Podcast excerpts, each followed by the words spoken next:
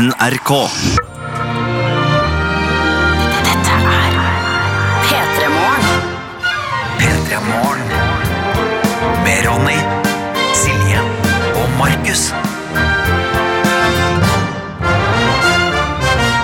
Ja, endelig onsdag. Og velkommen tilbake igjen fra livet utafor Markus Neby. Hjertelig tusen takk. Det er godt å være Har du, innenfor igjen. har du sett noe rart der ute? Nei, men jeg har observert når man jobber 9 til 16 En ting er at det blir mer trøkk på rush-trafikken. En annen bakside er at når man skal kjøpe dagligvarer på butikken, så treffer man mer kjentfolk. Å gud, å gud, å gud. Det, Ja. Fordi det er man på vanlige folks eh, tider. Så eh, da jeg skulle kjøpe mat eh, på mandag her, så traff jeg tre personer da, som jeg på en måte ikke hadde sett på en stund, og som måtte slå seg en prat. Da. Så den eh, butikkturen den tok på en måte veldig mye lengre tid enn det den hadde tenkt å ta. Hvordan forholder du deg til det å møte kjenninger på butikken? Nei, Noen er jo litt sånn at man på en måte begge er enige om at sånn, vi har lagt merke til hverandre, men vi trenger ikke å ta hilserunden. Men så er det jo noen ganger at man plutselig da allikevel inni ved siden av de hermetiske tomatene, så kommer man fra hver side og går mot hverandre. Da må man på en måte ta praten allikevel. Ja, ja. Og så er det jo sånn eh, Vi møtte eksempel vår kollega Siggen. da Ja, det er fra Ramona og Siggen. Ja, fra Ramona Ja, det er fra Siggen. NRK Super kanskje aller mest nå, da. Riktig, riktig. Ja. Og hun, har, altså, hun kommer liksom inn med babyen sin. Hun har blitt mor, liksom. Og Ah, der har jeg ikke sett babyen før. Og det at hun er mor, er jo helt Så det, Det er var på sånn, surrealistisk. det er jo ikke bare en liten samtale, det er jo en større samtale. Ja, det er faktisk det er nesten et Hva er kafébesøk. det. meninga med livet? Ja, ja, virkelig ass Og der har vi babyen, kan jeg ta på babyen Trykke Ja, litt på kinnet på babyen Og det var Trykk for hardt på jeg tryk, babyen. jeg, gikk veldig hardt, den, den sov ass, Jeg måtte ikke vekke den, men jeg trykka litt sånn deilig inn på de posede kinna der Ja. eh, Så det er det kanskje sterkeste jeg har eh, sett da De, de siste dagene Ikke sant? Ja, nei, men Jeg kjenner på det Jeg husker jo, altså jeg har jo vært på butikk i rushtid. Jeg husker På et tidspunkt så sto jeg eh, Da hadde jeg kjøpt kakemenn og sto på Coop-en, min lokale Coop og slo en prat med Ida Fladen. Ja, ja, ja. Så kom da vår videojournalist Daniel Rørvik inn òg.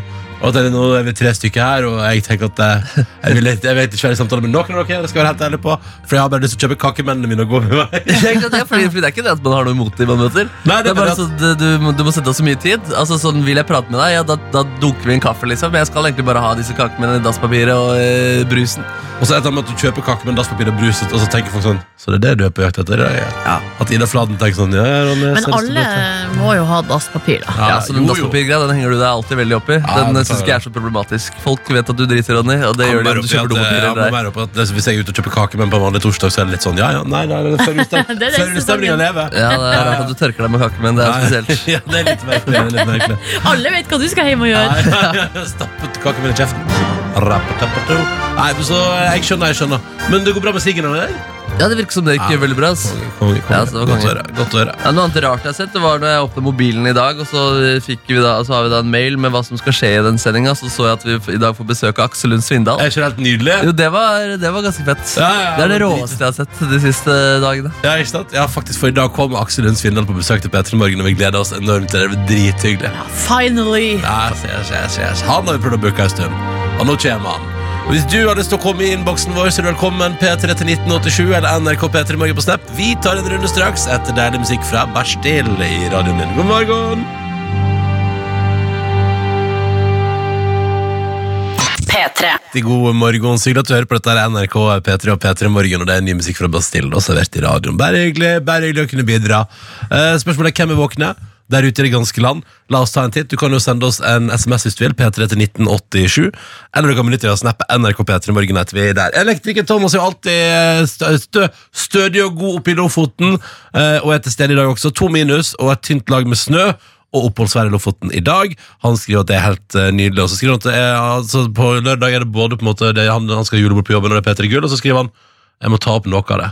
Og da tror jeg at eh, det, Jeg skjønner hva det, hva det blir. Det blir P3 Gull. For det julebordet ditt Det blir rart hvis du kommer inn og setter opp et kamera og går igjen. Men Tenk hvis det hadde gått an ta eh, opp- og tatt opp julebordet med, med jobben. Liksom. Det hadde jo vært litt deilig. Så kan man se det på søndag formiddag. Burde gjort det egentlig for, MeToo, for å unngå mest mulig metoo. Ja, fordi det, jeg tror det, for det, er det jeg skal si, hvis, hvis det finnes dokumentasjon, finnes det også mye skam, tror jeg. Veldig mye skam. Eh, så, men absolutt, kjør på. Det, det, Datatilsynet digger sikkert det. Gravemaskin Ingeborg i Tromsø er med og sier 'Å gud, er det bare onsdag'? Ja, det er bare onsdag, Ingeborg, men i morgen er det torsdag, og så er det fredag, så dette går bra. Eh, og så skriver hun eh, at hun, altså, hun tar helg i morgen, da. Eh, fordi hun skriver at hun tror det er lurt, sånn før hun ramler om helt. Og hun mener at altså, hun er rett og, slett, rett og slett klar for helg snart. da Og da er det jo deilig, Ingeborg, at du har muligheten til å ta fri i morgen. Vi blir da etter fredag, vi, da. Ja. Vi blir etter fredag, vi. Vi gjør det. Men jeg skjønner, jeg kjenner til følelsen, liksom.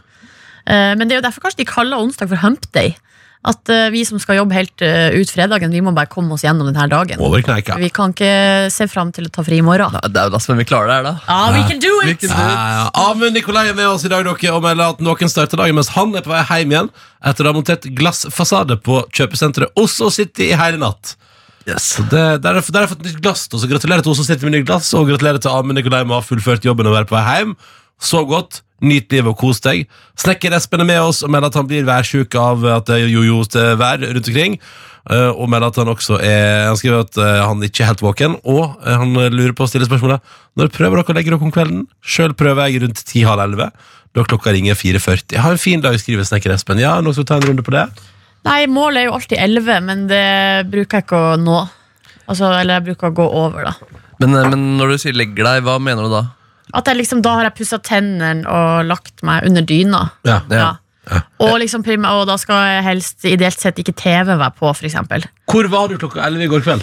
Oh, nei da På byen! Altså, Nei, da, jeg var ikke så langt unna. Da var jeg vel kanskje pussa tennene på badet. ja, Altså. ja. Å. Ok, så målet ble nesten nådd. Nes- ja, men ja. Mm, ja. Fordi jeg tenker på å legge seg, det er eh, når jeg lukker øya i sengen. Ja, jeg er litt sånn, der. ja. Eh, det, er det, det er sånn jeg tenker på det. Eh, Jeg og det er i snitt eh, ti på tolv, tror jeg. Ja. Jeg, eh, klokka, eh, jeg befant meg i går klokka 11 befant meg midt i en episode med Hvite gutter. For det kom to nye episoder. Og det var i sengen? Eh, Det var i senga, ja. Men jeg hadde ikke pussa tennene og sånn. Så, men det var bare fordi det var chill å være i senga. Og jeg tok med Mac-en i senga. Det var chill. Det var, jeg var stort sett i senga i går.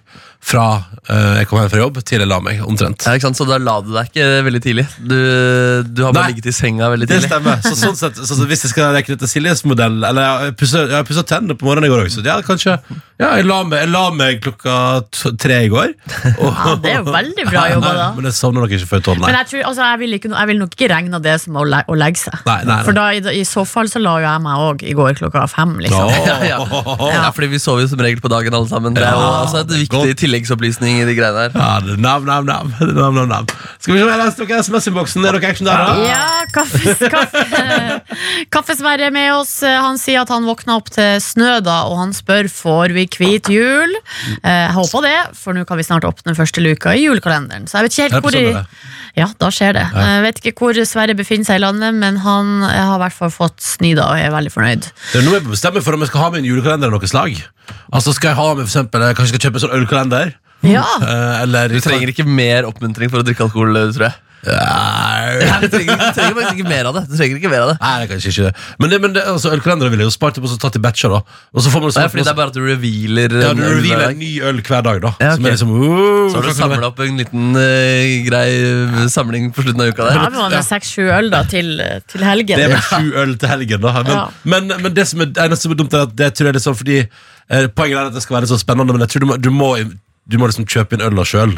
Så, det er litt så, så det er litt sånn Ja, det er jo litt kjedelig. Ja, Det er jo derfor det er kanskje også litt rart at du skal lage denne kalenderen til deg sjøl. Ja, riktig. For det er vel ofte man eh, Skulle fått den, ja. skal- ja. Det er noe med det. Men hvor mange pakker sigg er det i en pakke med sigg? Er det hvor mange sigg? Ja, ja. 20?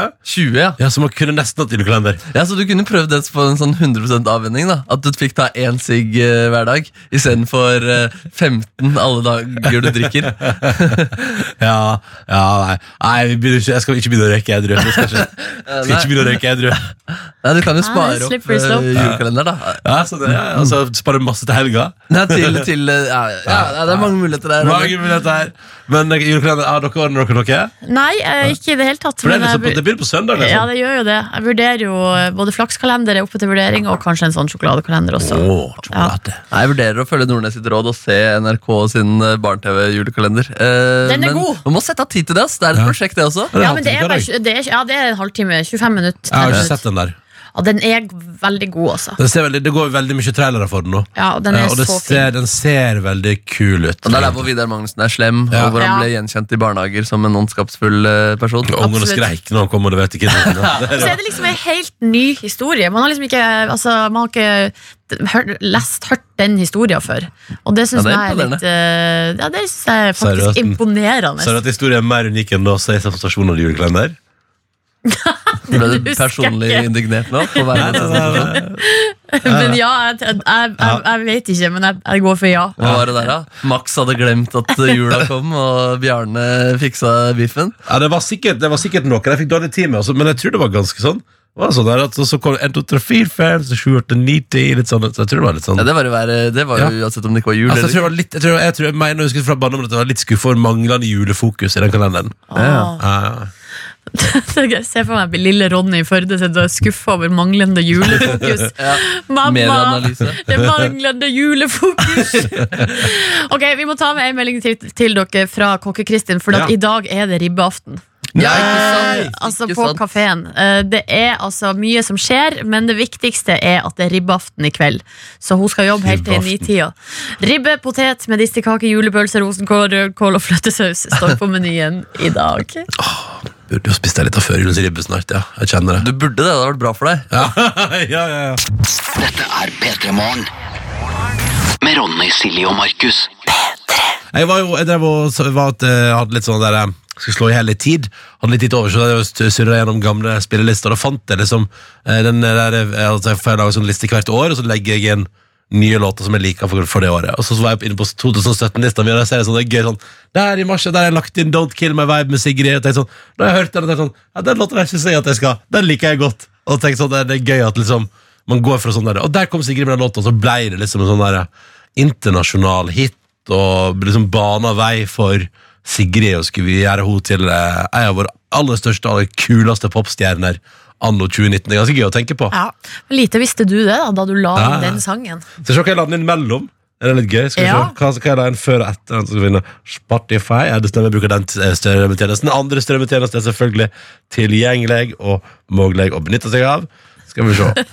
Og radio, radiospillere er jo kanskje det vanligste blant lytterne våre akkurat nå. Ja, det er sant. Du eh, finner oss på eh, NRK radioappen, som er forresten veldig god.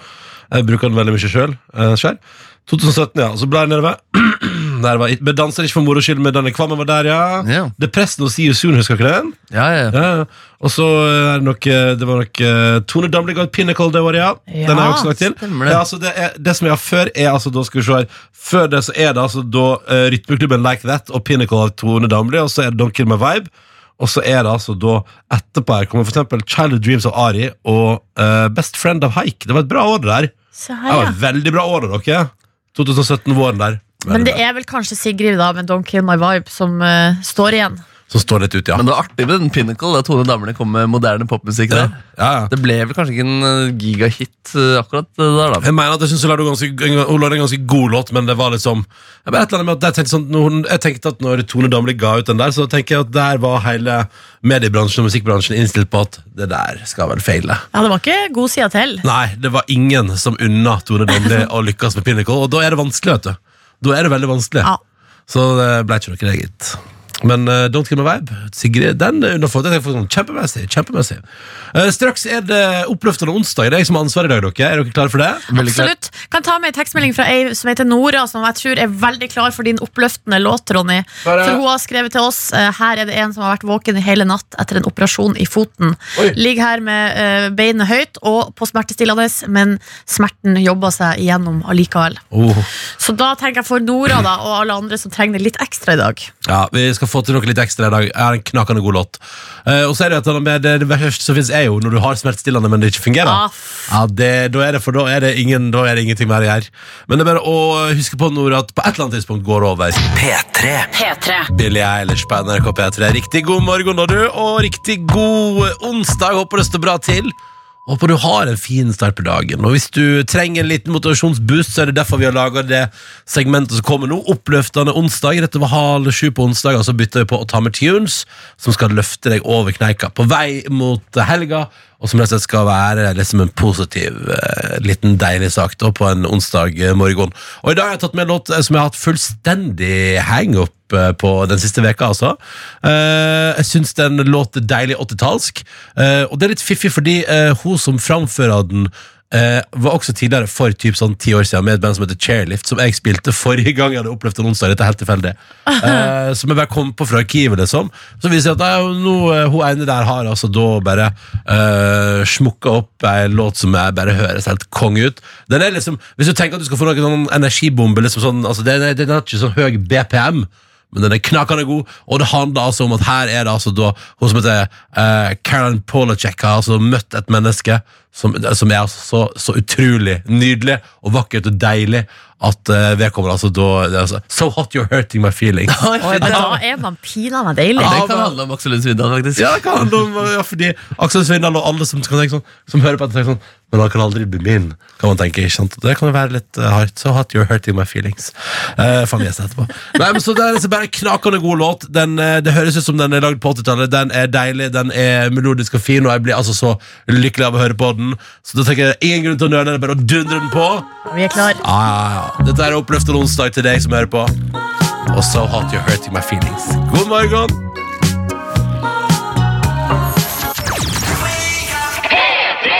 Du hører P3 Morgen med Ronny, Silje og Markus. Ja, den synes jeg var knakende god, altså. Caroline Polacek og hennes So Hot You're Hurting My Feelings i P3 Morgen. Riktig god onsdag til deg som hører på. Og hvis du vil, så må du bare si halloi, så det kan du gjøre med NRK P3 Morgen på Snap. Eller Halloi, P3 1987. Uh, og vi har med oss altså, for eksempel altså, Simen, elektriker uh, Simen. Eh, han er med oss i dag og melder at eh, han, har, han har fått lønn, så det, det er bare å smile. Deilig. Men ellers er han trøtt som en dupp, da. Og ønsker oss alle sammen en nydelig dag. Og det er bare å eh, Han som har skrevet han, ja, altså, han er trøtt som en dupp etter overtid i går, seint hjemme. På'n igjen i dag. Ha en superfin dag. Likeens til deg, Stimen. Kos deg. Og hallo til Vilde, dere, som akkurat nå melder at hun har eksamen som skal leveres om under fire timer. Så det har blitt en lang natt, og hun syns det var hyggelig, Vilde, nå endelig få litt selskap av oss. Eh, For hun har- der har hun stått alene, på en måte. Ja, hallo, Vilde. Hallo, Hallo, lykke Vilde. til. da. Klin til her. Du nærmer deg målet her nå. Ja, ja. Vi kan jo ta med en tekstmelding som vi har fått. Sove kan du gjøre etterpå. Sove kan du gjøre etterpå! Ja. Eh, Fotokaren har sendt tekstmelding som passer bra i denne forbindelse, fordi hun har, er midt i hjemmeeksamen, og hun har skrevet altså da enten går det bra, eller så går det over. Eh, og det er altså da en melding til alle som holder på med slikt. Åh, Eh, To positive ting. ikke sant? Eh, ellers, så hun begynte på mandag med hjemmeeksamen, og hun er altså nå rett og slett ferdig. Nei, nei, da, nei. så nå er det noe rettskriving Too og noe soon. greier. Ja. Too soon. Eh, da man kan si det, men da, når hun får levert, så kan hun begynne på det forberedelser til neste eksamen. Det er det er rutine, det der. Altså. Ja, det er noen som får det til. Jeg trodde ikke det var mulig. Nei, det er helt imponerende. Jeg har alltid vært en skippertaksfyr. Aldri levert lenge før frist. Så det at du, fotokaren, kan vise at det går an, Ja. det er jo det, for meg er jo det et bevis på at det faktisk finnes folk som får det til her i verden. Ja, det er til inspirasjon. Ja, Eh, Fordi det er noe med å stå der, eh, og det er liksom ti minutter igjen til fristen, og da er du på en måte egentlig prisgitt om printeren funka eller ikke. Mm. Altså Det er liksom én liten, én tom sånn blekkbeholder, og du er fucked. Ja, det er fuck, det. Eh, Og den situasjonen vil man ikke være i, og jeg har vært i den ganske mange ganger. Ja, det er sånn som det Ja. ville vært nå i 2019, at du tenker eh, kanskje én time før eksamen, men hvem er det jeg kjenner som har printer? Oh, den er lei! Eller at du skal levere digitalt, da, men så har skolen fått et nytt system Ja. som ikke fungerer helt. It's Og så learning. må du trykke på den ene knappen der, og så sitter det ikke helt, og så har tida gått av, og så må IT-ansvarlig komme inn, og fristen blir utvida med en halvtime. Det skjedde da jeg skulle levere noen oppgaver på, på Westerdals. Og gjorde det, ja? ja, Da det, Å, fy fader, han IT-mannen, han svetta der, altså. jeg gjorde det. Ja, det var så mange Mac-er oppe i kantina der, liksom. Og oh, skulle levere, ikke klart å levere. Han gikk rundt på alles data, trykka, trykka, trykka, trykka. jeg trykka. Ja, Så gikk det, gikk det til slutt, da. Men Ja. så tror jeg det var noe sånn at også en mappe var åpen for alle. At, nei, det, det, da, da satt ikke det systemet helt. Men, Nei, eh, det Var It's learning? nei, det var, det var, men det var, det var på Mac-en, så det var på noe sånn fellesnettverk som var blitt etablert. eh, Nei. Jeg forstår det ikke den dag i dag. Nei. Og du, vil, og du vet hva, Markus, du kommer aldri til å forstå det der. Jeg gjør ikke det. Nei, nei, nei det er helt, det kommer aldri til å skje. Uh, ja. Uh, så hallo til alle IT-folk også som skal svette i dag med, med mennesker som skal levere, og printere som et tom for blekk, og gudene vet hva. Og alle sammen, uh, vi får bare ta med oss rådet til fotokaren. Det går bra, eller så går det over, og nye sjanser vil by seg. Og eh, jeg kan snakke av egen erfaring. Om du så ikke klarer å få deg en grad, så går livet videre. Det går bra. P3morgen. Med Ronny, Silje og Markus. Åh, det er Nydelig musikk da, fra Khalid på NRK eh, P3. Jeg er Night. Han kommer jo opp til flere norske festivaler neste år. Det er litt gøy å tenke på. Han skal være både på Palmesus og på Åh, Han skal til Parken! Parken var det, I ja! Bodø. Det ja, tenker ja. jeg også, liksom, Det er jo en smooth booking. Ja, det er Ja, så smooth. skal, skal til Ålesund også. Det hang noen Ja. bilder av han uh, malt opp på- på en vegg når vi var der borte. Stemme. Mm. Altså, han skal på Jugendfest og på Palmesus og på eh, Parken, du. Norgesvennen Khalid. Ja, men det er han faktisk nå. Nå er han der. Nå, får, nå stå, kommer Se og Hør til å stå der med genseren og si 'Hallo and welcome to Norway'. Men det var gøy, for jeg snakket med mamma i går på telefon, eh, og hun, og hun eh, ringte, og- og det var faktisk altså, line-upen på parken hun ville snakke med meg om. Ja, nemlig, nemlig, nemlig. Og billettene som legges ut, og ja, hun trenger eh, hjelp. Hva annet kunne man uh, skilte med? Å ja, fordi damene skal spille der òg. Ja, men greia er at vi bruker jo alltid å kjøpe Altså, vi bruker jo alltid å være på parken, jeg og Ja, så nå var det ikke sikkert dere trengte å kjøpe? Eh, nei, men nå var det snakk Du, om Silje, får vi gratis! Nei, nei, nei, nei, nei, det var ikke det. det var Slipp å betale for Nei, hun ville bare Det var det ikke snakk om i det hele tatt. Men hun ville bare at jeg For at det der billettsalget bruker å være helt over styr. Ja, sånn, ja. Men i hvert fall så sier jo mamma Så går det som Ja, Gabrielle kommer Og, uh, og Khalid kommer Og så, så, sier jo mamma sånn Ja, han er jo uh, Han er jo den fjerde største artisten i verden Og det, og der tenker jeg så, Det var så sykt søt da For da har hun antageligvis lest det I Avisa Nordland Ja. Ja, ja. Eller i noen slags eh, pressegreier Fra sant. Det ja, Så artig å vite hva som er topp tre, ifølge Avisen Nordland. Eh, Ja, hvem kan det være? Var det Justin Bieber da, nummer én? Nei, han er ikke med Altså, lenger. Men kanskje Ariana Grande? Skal vi se, eh, altså fordi det er jo det, eh, Referansen er vel det der med at uh, på Spotify står det jo ofte sånn Hvis du går inn på artistens Ja! profil står det, Se her, Ariana Grande er den sjuende største artisten i verden på Spotify i hvert fall. Å, Der bomma jeg. Og så er spørsmålet hva, hva er Khalid da? Skal vi se, Khalid er i verden Khalid er, mine venner da, da, da, da, da. Tenk hvis han ikke er nummer fire. Femte Nei, Nei, fader! han har rykka ned! Noen har gått forbi han i løpet av natta. Åh, Up the game. Hvem er det? Jeg, vent, da, jeg tipper Ed Sheeran jeg. Skal vi se Ed Ja, Sheeran selvfølgelig. Han Ed er der. Sheeran er Første Ja, han er den ja, mest ja. populære Og så artisten kanskje er det noe Camilla Ka- Er det noe Sean Mendes? Er det noe sånt? Shawn Shawn Shawn Mendes. Mendes Vazelina Bilopphøggers. Ja, ja, ja Shawn Mendes er nummer ni Å. Hva har vi, hva har vi på andre? Skal vi prøve Det er ikke en liste du Skal vi leser, gjette helt Nei, vi må bare, bare gå inn på artistenes profiler For det er ikke noen liste, nei Nei, ok, ok Eh, Så vi kan vi ett forslag til da ett, En gjett til Chainsmokers. Shine Det er Smooth med i 2017. God på staving. Og Chainsmokers er 19. Nei, dæven. De, Skal vi prøve- skal vi de har mista grepet helt. Skal vi sjekke Kygoen da? Ja, vi gjort sjekker- det. vi må, må alltid sjekke Kygo når vi først er innom Hallo, kjører hvis du hører på det står bra til Han er nummer 56 Jeg så det, Nei, det var litt skuffende av eh, oss der. Ikke i vår verden.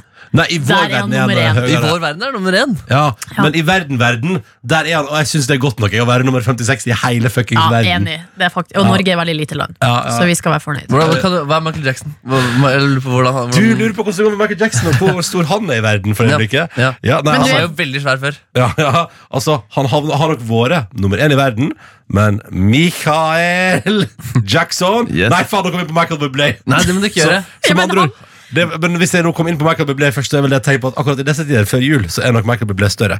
Michael Jackson er nummer 76 i verden. Ja, han, så han holder seg på topp 100. Ja. Men skal vi sjekke Michael Bublé da? Mens vi går? Ja, fordi det er, det er juletider, og Ja. da vil folk høre den smørstemmen. Ikke sant? Michael Bublé han er akkurat nå, dere. Ba, ba, ba. Nummer 173. Se der, ja. Ja. Så Michael Jackson er 100 plasser foran Michael Bublé. Det Til tross for eh, at han ikke er aktuell. Eller at han har vært aktuell, men uh, på ulekkert vis. Ikke sant? Han har vært veldig aktuell det siste året. Mye prat om Michael Jackson i 2019. Nå vet vi hva det går i. Ed Sheeran er i hvert fall øverst. Gratulerer. Ja, gratulerer. Gratulerer, Ed. Skal vi, Ja, skal vi snakke nei. litt om det vi egentlig Nei, skulle snakke om? tror vi skal, gå, jeg tror vi skal ta oss en låt. jeg. Ja, vi skulle egentlig snakke om riksrettshøringene i USA, men Ja, det men får vi ta senere. Du, vi kan komme tilbake til det. Ja. Vi kan, vi ikke hvor Donald Trump er på streaminglista. Skal vi se, vet du, Først må han gi til en låt. Ja. Uh, men altså, i, i medieoppmerksomhet Der tipper jeg at han er nummer én i verden. Det tror jeg. Ja, men Ut ifra hvor masse det skrives om han. Ja, det tror jeg det er rett. P3. P3. Dette var Charlie Puth og Wiz Khalifa i P3 Morgen, og vi har nå klart gjennom hard eh, tenking og jobbing her i studio å finne ut av hva som er topp fem mest populære artister i verden på Spotify. da. Eh, fordi Khalid er på femteplass, men Ja. hvem er foran? Og da fant vi fort ut at Ed Sheeran selvfølgelig var på førsteplass. Men hvem ligger imellom? Og hvem ligger imellom? Skal vi ta fra, altså, på en måte fra øverst til nederst? Ja, da? vi tar øverst til Før- Mest populær altså Ed Sheeran. Ja. Og så har du på andreplass, det er Post Malone. Gratulerer. Tredjeplass, eh, Camilla Cabello. Gratulerer. Og så var det fjerdeplass, den var vanskelig, men der kom Markus fant uh, løsningen til slutt. J Baldwin, J Baldwin. Og da er vi gjennom. Det var deilig. Og Det er vakkert å se for seg at Post Malone, Cabello og J Baldwin ligger fysisk imellom Khalid og Ed Sheeran også. Mm. I en slags veldig stor seng. Absolutt. I den musikkvideoen til Kanye West som kom for noen år siden, hvor Donald Trump og alle lå nakne sammen i sengen. Husker du det? Nei, var Donald Trump med òg? Ja, ja, det var sånn Ja, altså, det var jo var de Det, det, det var ja. Ja. Men så var det vel hele Kardashian-klanen. Ja, ja, Taylor Swift var jo Taylor også Swift der, og hun også. ble, for de hadde jo hatt en beef, og hun syntes jo det var eh, ikke noe artig. da Nei, nei, nei. At hun plutselig var naken i hans musikkvideo. Nei, det skjønner jeg. Det kan Og man det er forstå. smell, ass. Våkne opp, og så er du naken i Kanye West sin musikkvideo. Det er andre ting man heller vil enn å være naken i Kanye West i musikkvideo. Absolutt. Du hører P3 Morgen. P3. Nei, men først, Markus Neby, så sitter du Du sitter der foran dataen din. Det stemmer ass, eh, over en sak. Vi- Det, det handler om en frekk yrkesretning. Vi har jo vår tralt. Vi kommer på jobb, vi snakker inn i mikrofonen. Og så jobber vi i NRK, så er det mye møter. Det er mye møter vi er på, og så drikker vi kaffe, og så hilser vi folk. Og så får vi også melding da fra folk som jobber som rørleggere, elektrikere, folk som jobber med eksamen. De vi ikke får så mye meldinger fra, som, det er folk som driver med BDSM. Ja. eh, Eller jobber som domina, eksempel. I dag har jeg fire kunder. Ja, det er et yrke. Ja. I dag har jeg fire kunder, gleder meg til dagen. Hyggelig å høre på dere. Varmer opp med det. det den har vi foreløpig ikke fått. Nei. Men den kunne vi kanskje fått da fra Laura, som det, det står om inne på VG her. Laura jobber som BDS-domina, um, og så er det da, klikker man inn på saken, så kommer det et bilde av en uh, her, naken herre uh, som ligger lenka fast opp til en vegg med en lærermaske over hodet sitt, og så står da Laura og dasker vedkommende på rumpa. Uh, flere sånne bilder lenger ned i den saken, og det er jo en sånn eh, frekk yrkesretning som eh, vi ikke kan så veldig mye om. Ja. Um, og det, Bra, pet, good boy, sier Laura til mannen som nå henger opp ned fra taket og suger på skohælen hennes. Armene hans er bundet bak ryggen. Hun fest, fester også en gagball i munnen hans. Så slår hun ham i ansiktet. Si takk, mistress!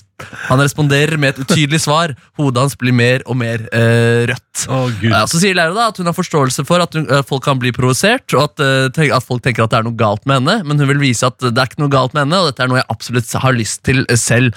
Eh, I fjor eh, så omsatte også selskapet hennes for 750 000 kroner, og hun hadde 500 sesjoner i løpet av året.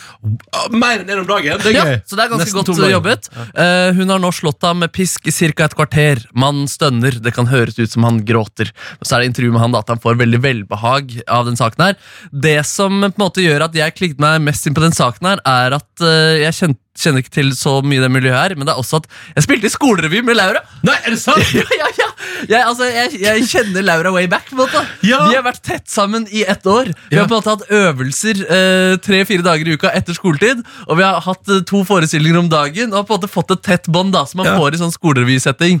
Eh, og Det er jo artig å se på en måte ulike retninger folk tar. Det er jo veldig mange skolefolk som blir skuespillere eller Ja. jobber med underholdning eller musikk. og sånne ting. Her har jeg også gått inn i underholdningsyrket på en litt annen vis. da Så jeg alltid på en måte hatt henne i feeden, og det hadde vært gøy å følge med på henne. og sånne type ting Men plutselig så bare boom! Rett inn på VG. Og, så, og nå har hun også gitt ut en bok som hun da er, promoterer. Den heter Divine Slut. A dominatrix confesses her most shameless secrets. Ah, Ja, og så kan man da gå inn på nettsiden, og så står det da Discover Have Laura, som jeg da spilte i skolerevy med, got kicked out of a restaurant once for giving her lover a blowjob in the restroom. Organized a gangbang in a hotel room for herself and one of her best girlfriends.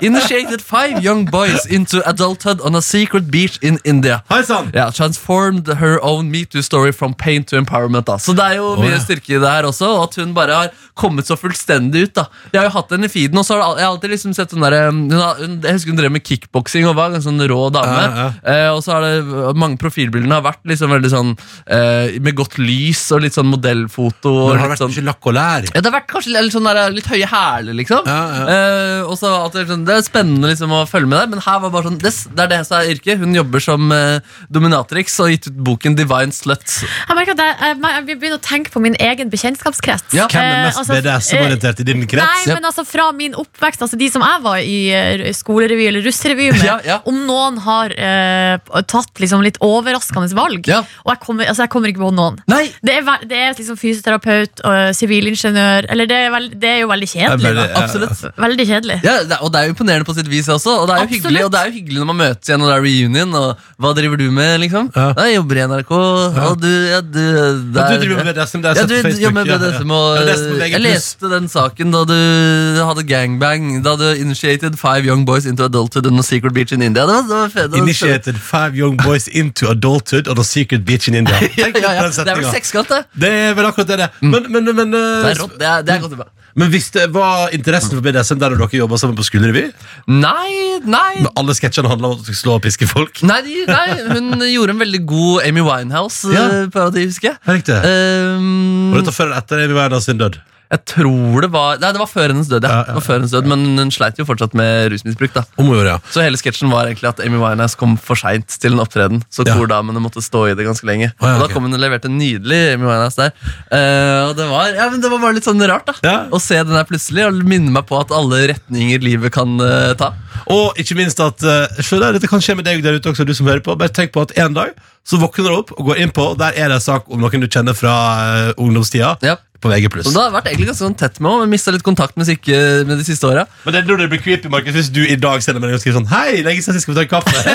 Jeg vurderer kanskje å sende meldingene og si at jeg prata med henne på radioen nå. Og Ja, ja. Gratulerer med å ha gitt ut bok. Det er jo det folk skriver. Ja, you are amazing, you rock girl, you rock sister. Også noen uh, eldre herrer. Gratulerer. Denne bok, er bra. boka er bestilt. Ja. Ja, Får masse likes. eh, da 134 likes på den boka. Si her. Now it's out. Download my Amazon book, Divine Slut. Uh, ja, Nydelig, please nydelig. check out my book. Yes, yes, yes. yes. A gra groundbreaking memoir and sex instruction manual at once. Divine Slut is full of real life på, hva du sa det var? uh, groundbreaking memoir and sex instruction manual at once. Men det er en veldig hard tittel, hvis jeg kan få lov å bare plukke litt, litt, litt på det. Ja. Eller som du har på kaffe Hvis du sitter på Du har, på, du har det på kaffebordet liksom i stua, eller har med på flyet. Bare. Jeg sitter ja, bare her. leser Divine Slut, ja? ja, Jeg ble ja, akkurat ferdig med Jo Nesbø, så nå gikk jeg over på Laura sin Divine Slut, Unleash the Beast. Ja, det, er mye, det er mye statistikk der også, da, om at folk ikke lever ut sine seksuelle fantasier, og at mange har dysfunksjonelle peniser. Og der har den også hjulpet en fyr med å få benderen igjen, slik at han kunne nyte eh, samleie med sin kone, for eksempel. Det er flott. Ja.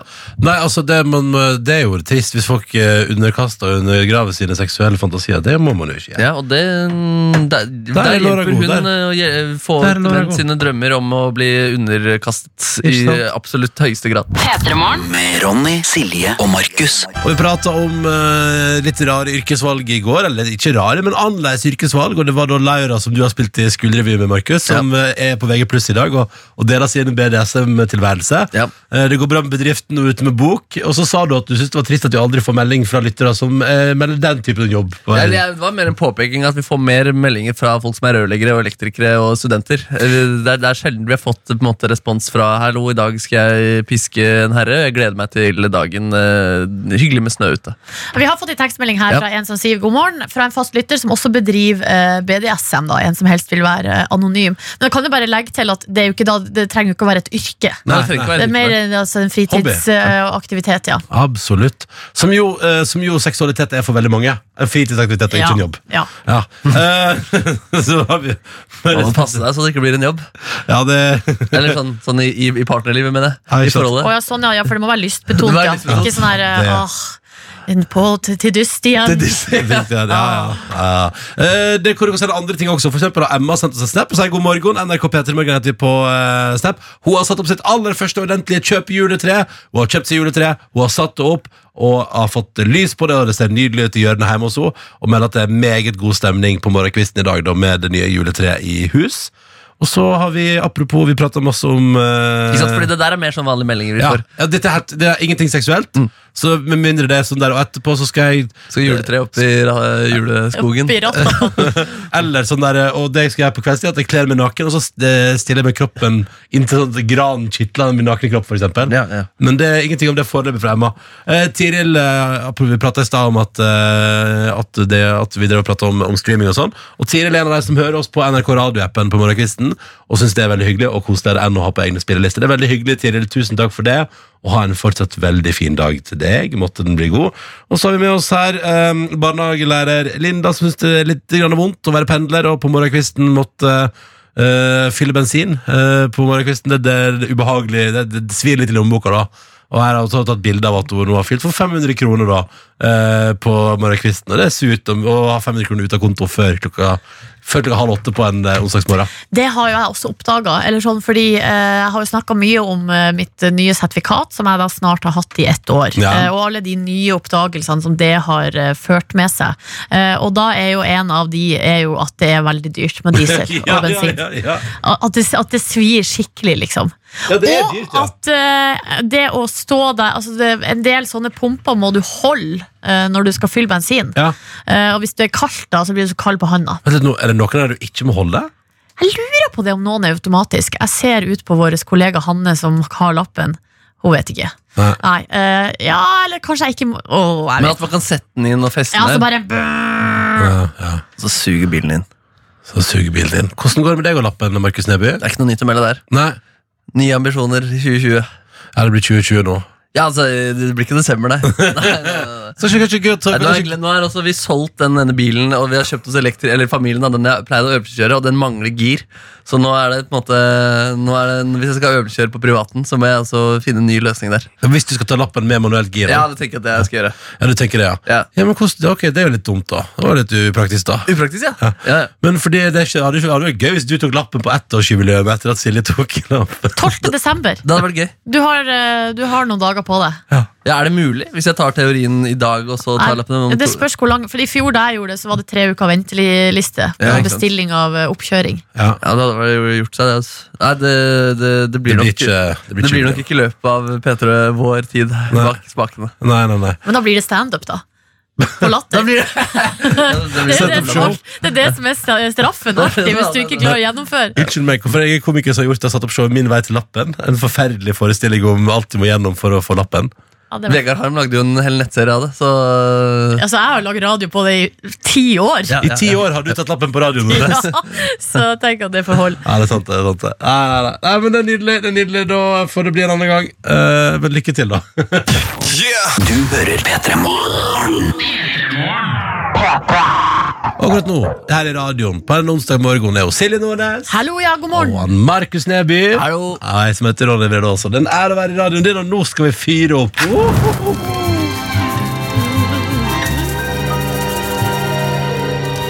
For man har gjerne upopulære meninger som man vet at hvis man tar opp i kompishengen, blir det dårlig stemning. Men så er det av og til så digg å lufte. Og her i P3 Morgen har vi åpnet et forum for å dele de upopulære meningene. Dele sine brannfakler. Vi har hatt Ingrid som syntes det diggeste med å slå opp med eksen var at uh, da slapp hun å kjenne på hans Pepsi Max-ånde. Uh, vi har hatt ei kvinne med oss som sa at hun syntes kvinner uten bunad på 17. mai så ut som horer. vi har hatt med hun som ikke likte taco, men som syntes at det var deilig å lage litt eh, blåskjell når man først hadde venninnegjengen samla. Det er noe forskjellig. ja, det er så mangt. I dag er du med, André. God morgen. God morgen, god morgen. Hvordan står det til? Det går ganske greit, det gjør det. Ja, ja, ja. Eh, fortell om morgenen din så langt.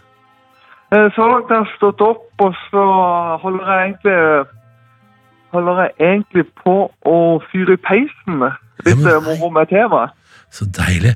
Eh, Du Ja. fyrer i peisen, og du skal også fyre opp en uh, mental brannfakkel her hos uh, oss.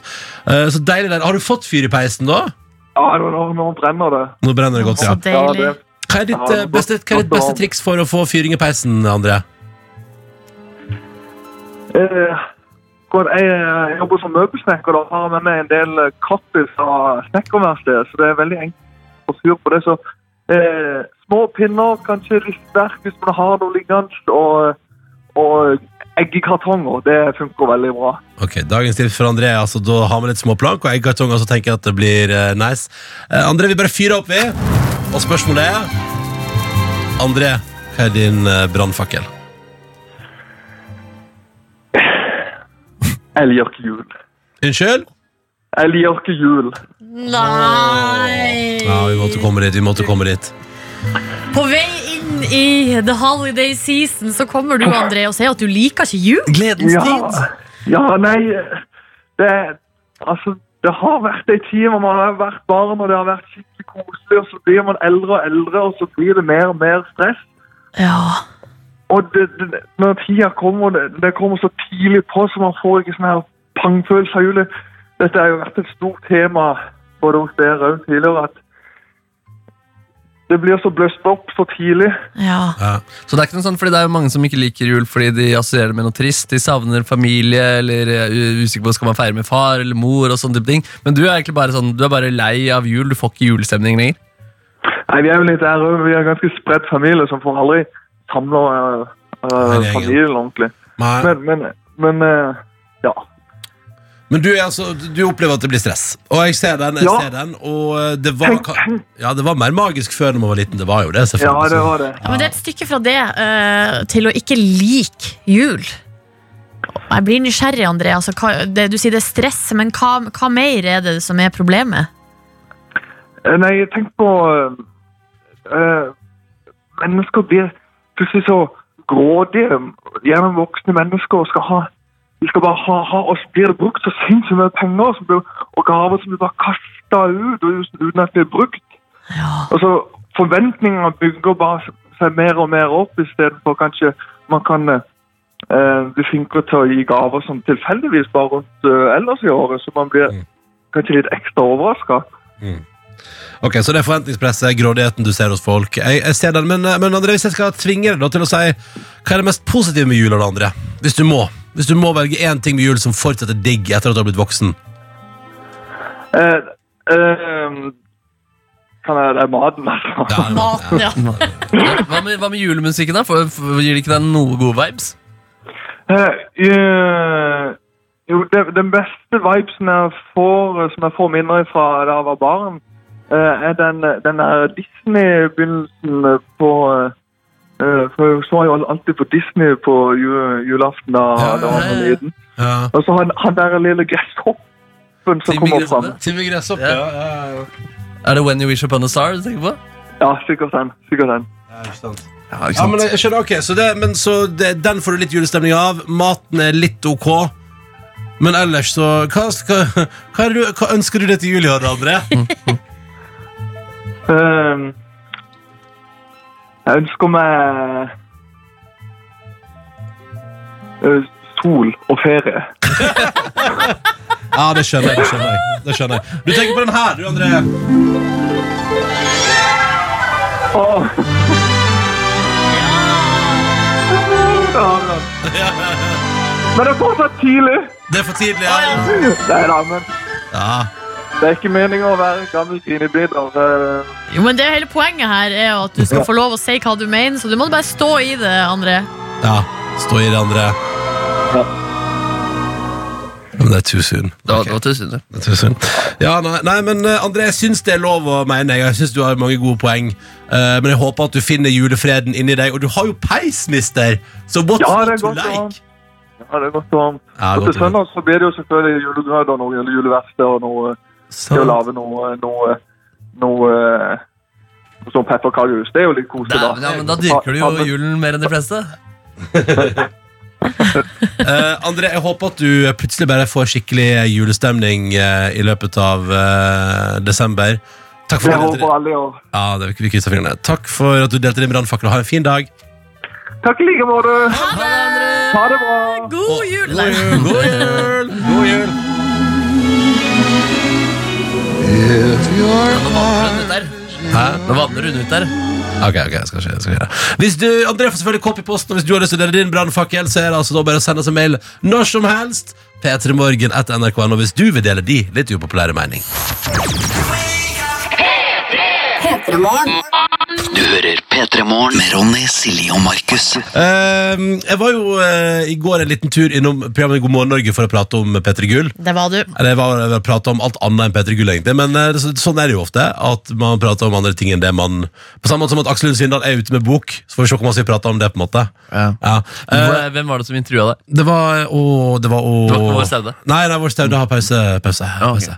Eh, men det Å, du husker ikke navnet? Ja, nei, hva heter det, da? Og, Er det hun som heter sånn Best, da? Ja, også han som heter, han som heter uh, Espen. Espen. Ok, det blir intervjua Espen. Og Desta. Desta. Anyways, veldig hyggelig å være der. Det var god stemning. Kom inn der, ikke sant? Det koker i lokalet, og liksom bare folk fram og tilbake, og gjester inn og ut. Og der er Lars Monsen og Trine Rein, og bare hei, hei. Og god kok. Det, Lars Monsen sa også, til på et tidspunkt så sa han sånn, sa, satt han sånn tilbake og sa han sånn Du entrer rommet som en amerikaner. Sa han det til deg? Ja, og så sa jeg sånn Ja, ja, ja, ja hva mener du med det, Lars? Mykje lyd. Ja, det er sant, du er litt amerikansk, du. Nei, men så tenkte jeg sånn, da, da, det- da var Lars Monsen sikkert Da var han, det var litt tidlig for han da, sikkert i går. Og så sa jeg, men du vet det, Lars, jeg har vært oppe siden fem, vet du, hatt sending i timevis, har drukket veldig masse kaffe. Eh, så jeg var litt, jeg var litt på speed. Ja, det, Men det var litt sånn der cowboy skal han og sitte der og si det også. Mm, mm. Her spiller dere begge rollene deres godt. Eh, og det, ja, absolutt. Um, og så er det jo sånn, så ble jeg sittende og tenke der, for jeg hadde jo også med meg Daniel, da, som filma her hos oss, eh, vår videojournalist. Han var med, og så sa jeg sånn Ja, ja, nei, vi får se om det blir noe spennende å filme her, da, fordi du og Live hadde jo gitt meg litt oppgave, Nordnes, så det var noe greit. Det, sånn, det løste vi. Det var null stress. Null stress. Um, men så ble jeg sittende før jeg skal inn der og prate om at jeg også har jo egentlig litt lyst til For du har stjålet et par sånne God morgen Norge-kopper før. Ja, Det var jo til dere to, da. Ja, jo, men jeg har litt- tenkt sånn, Det har liksom vært her på jobben. og tenkt Sånn, jeg har lyst til å ta med en hjem, og nå, det er siste sjansen nå. Vi skal jo gi oss her, ikke sant? Så gøy å stjele en som jeg kan ta med hjem til min husholdning. Og så ble jeg sittende og drøfte det. Da. Skal jeg bare høre, for det, Denne videoen ligger nå på det, det dreit med, altså, ja. Nei, men det ligger en video nå på Facebook med Peter i morgen og på NRK Peter på Instagram hvis du vil se det her, men da sitter jeg i hvert fall og prater ikke sant, til Daniel. Og sånn. Jeg tenkte, fordi Nordnesen stjal jo en sist. Og så tenker jeg at jeg, har, jeg kunne tenke meg å ha en hjemme òg. Så tenkte jeg bare sånn, Kanskje det, stilen i dag bare skal være at hvis jeg bare, hvis jeg bare går ut derfra bare, Hvis jeg bare har den sånn og bare sånn, Takk for det, ha det bra. og Bare går. Det er ikke det som skal være taktikk? Sånn. Taktikk. Du du driver rett og slett og legger planer Ja, ja, ja. hvordan du skal få med deg en kopp ut jeg derfra. Hvis jeg bare har kaffe i den og bare går ut, så går det bra. Ja. Ja. Som du glemmer å ta vekk. Ja, på på en måte. sånn, ja, ja, bla, bla, bla, bla, bla, ha det bra. Og da skal, da skal dere høre at jeg prøver å gjennomføre den taktikken her. Men så er det da, fordi jeg tenker jo at det her er nå, og, jeg tenker, og på et tidspunkt tenker jeg sånn, ah, vi har kommet oss ut, for vi har kommet, oss, vi har kommet ut, av, ut av God morgen Norge-lokalet, og ut i sånn fellesareal, ikke sant? Så tenker jeg sånn, ah, vi, det nailer vi, det var null stress, ha med koppen, og fortsatt god og varm kaffe i den, så kan du drikke kaffe bare ut. Jeg er bare ett lite minus her, fordi at jeg blir litt overivrig på at jeg tror vi har klart det. Og det dere kommer til å høre på slutten, er det som da skjer, er at eh, når det prater om heis og sånn uh, her, så kommer, der, da kommer da eh, vakta til God morgen Norge kommer da og skal liksom geleide oss ut. Så han kommer liksom bakfra snikende, og det er da det oppstår. Vi kan bare høre. Så dere masse da? Du òg. Ha en fin dag. Ha det bra. Sånn. Ha det. Ja, Spiller ut taktikken her. Ja, bra, prater bra. ut. Ja, ja, Ja. ingen som vet at jeg er med kopp. Går ut. Vakta kommer snikende bakfra. Dette trappa er ikke Trappa er like rett, ikke Prøv å komme meg unna vakten. Ja, Ja, ja. Og der gikk jeg i døra. Å ja.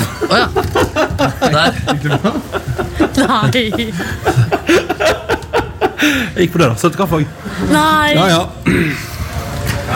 Sånn er livet. Hvordan gikk det med koppen? Koppen klarte si. Ok, ha det bra, takk for meg.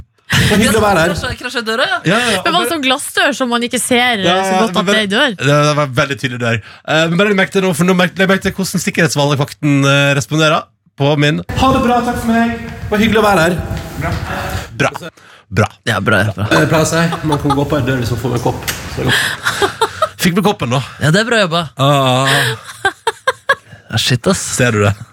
Ja, ja, altså, jeg har det her, ja, men jeg har ikke kommet dit ennå. Jeg bare, jeg gleder, altså, nå har jeg sett det for meg inni hodet, så nå gleder jeg meg til å se videoen av at du ligger der. Nå er jeg inne på Facebook-sida vår her, at Roddy da skal krasje inn i ei dør. Altså, Det er litt en tradisjon rundt disse tider at du krasjer i et eller annet. hva, hva, hva, hva tradisjon er det? For eh, et år siden så var du på ferie og skulle rusle til, eh, til stranda. Eh, Jeg husker ikke hvorfor du ble filma, men du dunka i hvert fall huet ditt inntil et tre. Smalt hodet til tre. Altså, Ja, ja, ja. Men det var en sånn nervøs setting, for det var da jeg skulle prate med hotellbestyreren der Silje Nordnes hadde mista jomfrudommen sin. Ja, ja, ja, Ja, ja, i Mexico der. Så det er alltid sånne situasjoner. Og problemet er at når han vakten kommer snikende bak der, og han er såpass lavmælt og Ja. responderer såpass lite på eh, mine sånn 'hallo, god morgen' og sånn, eh, at jeg tenker sånn, han liker meg ikke, og der går, da går, er det bare ingen, da er det bare å komme seg fortest mulig ut med koppen rett i døra. Ja, der, det donk, ja. Ja, det, ja, det, er, ja, det, er en, det er en glasser, ja. Men det er jo håndtak og Det er veldig tydelig at det er en dør. Ja, det er ganske tydelig at det er en dør. Eh, veldig tydelig at du skal gjennom en dør. Altså, vet du hva, det er bare, det er, hjernen bare gikk i lås. Så hvis du vil se det nå, så ligger videoen der på Facebook om P3 Morgen, eller på Instagram-kontoen vår. NRK P3 heter vi der. Hvis du vil se en med stressa fyr, gå på en dør. Men det er bra du fikk med deg koppen. Det er veldig bra. Ja, Det er meget, meget, den er meget sterkt. Den er heil, og den er fin, og den Ja. skal hjem til meg. P3morgen. God morgen med Ronny, Silje og Markus. Og det er en ære og en glede. Endelig velkommen hit, Aksel Lund Svindal. Tusen takk for det. Altså, Endelig. Ja, altså, Endelig! Nå, nå har vi prøvd å booke deg i årevis, og endelig kom du! Åh. Er det? Jansrud kunne alt igjen. Jeg, hva skjedde med liksom, jeg kom inn døra her, og så var det sånn guilt trip med en gang. Absolutt, Ja, absolutt. først så var det en klem, Ja, og så var det guilt trip. Ja, that's how we do it. Det ser vet du hva det er for noe? Nei. Det er å være psykopat. absolutt, men det er det vi driver med her. Det er derfor vi må gi oss nå. Er. Eh, Aksel, hjertelig velkommen til oss. Tusen takk. Um, hvordan har du det om dagen? Jeg har det veldig fint. Ja. Takk som spør. Um, I like måte. Hvordan har dere det? Vi har det bra. Kjempe- Ja. kjempebra. Men du har jo da altså, Du har jo sagt at eller, du har gitt deg eh, med det du har gjort eh, veldig, veldig lenge. Mm. Uh, og eh, ja, hvordan har det vært? Skal ikke dere gi dere òg? Jo, det er det vi. Så dere lurer på noen tips? Ja, vi er Ja. Få noen tips. Hvordan er det å gi seg? Det er faktisk ikke så verst, altså. Er det sant? Ja, det har er, du har ikke, du har ikke vært uh, utafor så lenge nå heller. Så, Nei, jeg har ikke det. Nei. Men øhm, Nei, det er jo altså liv, Det er jo en timingsak, da. Altså, det er jo ingenting som varer evig. Så det er jo ikke sånn at uh, åh, Nå gir du deg på en måte. Det er ikke sånn at du dør, og så er alt over. Det er jo bare sånn at eller annet, en eller annen gang i livet så skal man gjøre noe annet enn det man gjør akkurat nå. Mm. Og så um, er det noe med å tenke, Hvor lenge har dere holdt på her nå? Ti år. Jeg har fått det faktisk da jeg var på veien her, så var jeg litt sånn Jeg har jo vært på P3 Morgen før, tenkte jeg. Ja. Men Det da var det hun Siri. Er, Ja, så tenkte jeg, det, det er ganske lenge siden, eller? Ja. Veldig lenge siden. Men, men Så Aksel, da, jo, men jeg skulle si da var at da er det jo Dere har holdt på jeg lenge, og det er fordi det har gått så jævlig bra. ja, Og da er det jo sånn der, da kan dere jo lene dere litt tilbake, tenker jeg, når dere er ferdige, og så tenke at det, det der var jævlig fett. Nå finner vi på noe nytt. Og så er det liksom en bra greie, Så at det blir sånn åh, Skulle ønske jeg kunne stå opp klokka seks og dra på P3 Morgen eh, hver eneste dag. Nei, men det var deilig perspektiv, faktisk. ja, men det, det er fint, det, og det er en fin måte å se det på. Men det lurer jeg på, Aksel, når du på en måte Jeg antar at din drøm hele livet har vært å eh, sette utfor utrolig bratte bakker i ekstremt tempo og eh, være liksom akkurat en hundredel bedre enn eh, alle de andre. Altså hva, hva var liksom, hvordan var din tankeprosess når du tenkte ok, men nå har jeg gjort det, og det har vært min drøm? Og så hvordan liksom omstiller man hjernen til å tenke sånn ok, vi må finne nye drømmer? For det sier folk sånn, hva er den nye drømmen? Hva, trenger man en ny drøm? Eh, jeg tror i hvert fall man trenger kanskje en ny utfordring, i hvert fall. Eh, om ikke en ny um, drøm. Og så um, jeg, jeg, jeg, vet, jeg er så kjedelig. Jeg skulle hatt sånn dritsjuke så jeg skulle hatt sånn Aune Sand-svar her, på en måte, men det, det har jeg bare ikke i meg. Så, um, så, nei, jeg um, Det var sånn at jeg hadde ganske mye skader på slutten. da Og så um, hvis du driver med noe som er utrolig gøy, og som du sier det er en slags drøm, men så begynner du å få såpass mye trøbbel at um, La oss si at dere plutselig fikk et eller annet problem med stemmebåndet som gjorde at dere kunne være mye mindre på radio enn dere egentlig bør være for å lage et bra program. Måtte begynne å spille masse musikk isteden. Da er det kanskje ikke like gøy lenger, for du må måtte fire litt på krav hele veien. Og litt sånn ble det for meg. Jeg kunne kjøre mye mindre på ski enn det jeg egentlig burde gjøre som utforkjører. Og da mm, tenkte jeg at nå er det kanskje på tide å finne på noe annet. Så, mm, og så er det et eller annet med å Hvis du gir meg noe mens du får lov til å ha masse energi og lyst til å, som du sier, og søke en ny drøm, da Ja. så er det noe med det, og det er en verdi i det også. Så ikke brenne seg ut helt, men faktisk ha overskudd til å finne på nytt kult. Så um, Men hvordan ser dagene dine ut nå, da? Eh, versus er- sånn de var før? Det er faktisk um, For før så hadde jeg sånne lange perioder hvor jeg var uh, veldig lite tilgjengelig. Uh, så da er det sånn når folk spør om kan du være med på det, kan du være med på det, eller har du lyst til å være med på det, så er det nei, det går ikke, for jeg hjalp på det. Det var liksom, eller er Østerrike, eller det var liksom svaret nesten alltid. Er det sånn, Jeg er jo egentlig i Oslo, så det er sånn, uh, så nå er jeg Ja! Ja, ikke sant? Da, så da sier jeg ja, det kan jeg vel egentlig være med på, ja. Og så glemmer du på en måte litt alt annet du har sagt ja til, og så ender du opp med hva heter det for noe? Er det hverdagsklemma de kaller det? Altså, ja, ja, ja. At du, kalenderen blir fryktelig full. Um, så um, hverdagen er, det, altså det, er, det er jo en bra ting, da, istedenfor at det ikke skjer noen ting. Men um, jeg trodde liksom det var travelt å være toppidrettsutøver, men å liksom være vanlig sånn 9-4-mann er faktisk travlere. Det er for mange avtaler i livet. Ja, det er det. Det er, det, er for mange, det er for mange venner av deg som har venta for lenge på at du kan være med og henge. Er det det som Eh, ja, nå fikk det til å høres ut som alt på en måte er et stort party, da. ja. men det er jo faktisk eh, 90 det er jo kan du si, jobb, Ja. og så er det 10% sikkert som eller, altså, noe sånt noe. Men hva er det, Men, hva er eh, jobber med, hva er det du jobber med nå? Åh, jeg jobber mye rart, skjønner du. Jeg er det som er. At, um, litt tilbake til hva det jeg synes er eller en drøm eller utfordring. Da. Det er å sette seg litt hårete mål, og så jobbe gjerne sammen med andre flinke folk. For å nå det målet, eller på en måte få til noe. Da. Ja. Så nå er det på en måte, Jeg jobber masse med teknologibedrifter, men jeg kan jo ikke så veldig mye om teknologi. Jeg er ikke, jeg er ikke han duden som har gått på NTNU og er liksom super brainy. Men da kan jeg jobbe sammen med folk som har den bakgrunnen, og så har jeg en annen type bakgrunn. Og så kan vi se om vi får Kommer du med penger ned det?